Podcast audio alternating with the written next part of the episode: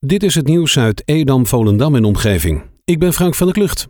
De toeristen kwamen wel naar Edam, Volendam, maar waren even zo snel weer weg. Daar moet verandering in komen met de oprichting van de Stichting Toeristisch en Ondernemersplatform. Dat meldt het Noord-Hollands Dagblad vandaag.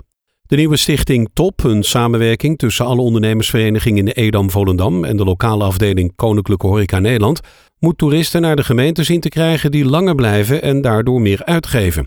Om te onderzoeken hoe dit gerealiseerd kan worden, is een consultancybureau in de arm genomen.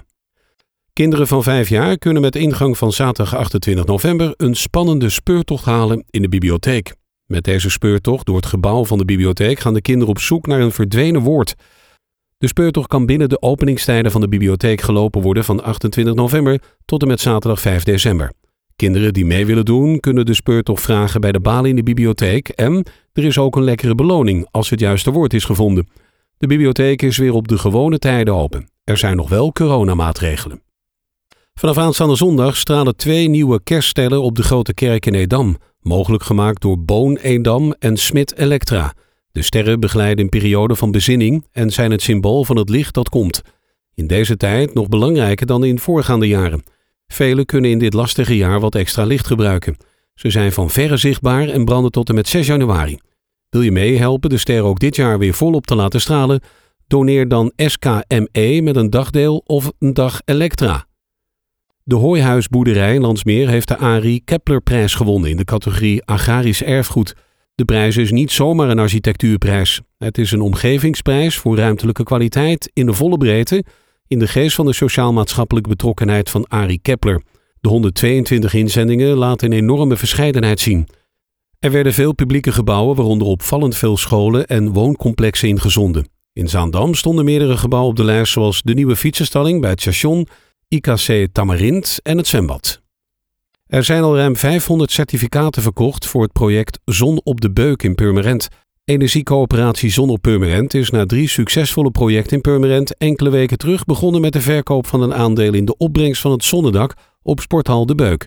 Voor definitieve start zijn voor de aanleg van het zonnedak kan worden gegeven, moet 80% van de certificaten zijn verkocht. De koper van de certificaat ontvangt de betaalde energiebelasting terug en een aandeel in de verkoopopbrengst van de zonnestroom. Vanaf maandag 30 november wordt de GFT-container in Purmerend weer eens in de twee weken gelegd. Op de afvalkalender is te zien wanneer ze welke bak komen legen. U vindt de afvalkalender ook in de app. Download deze in de App Store. Via de app kan je snel inzien wanneer de bak aan de weg moet staan en welke. Ook is het mogelijk een melding in te stellen als herinnering.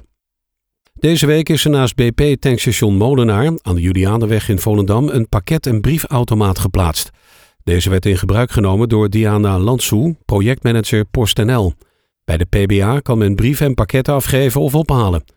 De klanten kunnen zelf aangeven bij welk punt ze hun postpakket willen afhalen. Dat kan onder andere bij de Niveau Business Point van PostNL, maar nu dus ook bij pakket- en briefautomaat bij de BP. De hele voetbalwereld rouwt om het overlijden van een van de beste voetballers alle tijden, Diego Maradona. De spelers van FC Volendam maakten aan het begin van hun training een bijzonder eerbetoon aan de Argentijn. Terwijl de muziek van Open Zwan door de boksen van het stadion galmde en op schermen de beelden te zien waren van de beroemde warming-up voor Bayern München-Napoli, begonnen ook de Volendammers aan hun warming-up. Ondanks dat trainer Wim Jonk en Maradona eind jaren 80 bij Inter en Napoli tegelijkertijd in de Serie A speelden, hebben ze elkaar nooit op het veld getroffen. Bij het nieuwbouwproject aan de Lambertus Huizengastraat in Purmerend is de eerste paal van in totaal 70 sociale huurwoningen handmatig in de grond geslagen. Wethouder Thijs Kroeze van de gemeente Purmerend en directeur-bestuurder Stefan van Schaik van Wooncompagnie staken samen de handen uit de mouwen. De heistelling zelf was even under construction, maar er is geen tijd te verliezen. De heipalen moeten de grond in, omdat de 70 sociale huurwoningen zo snel mogelijk moeten komen. De verwachte oplevering voor het eerste blok is eind 2021. Tot zover het nieuws uit Edam, Volendam en omgeving. Meer lokaal nieuws vindt u op de Love Kabelkrant, onze website of in de app.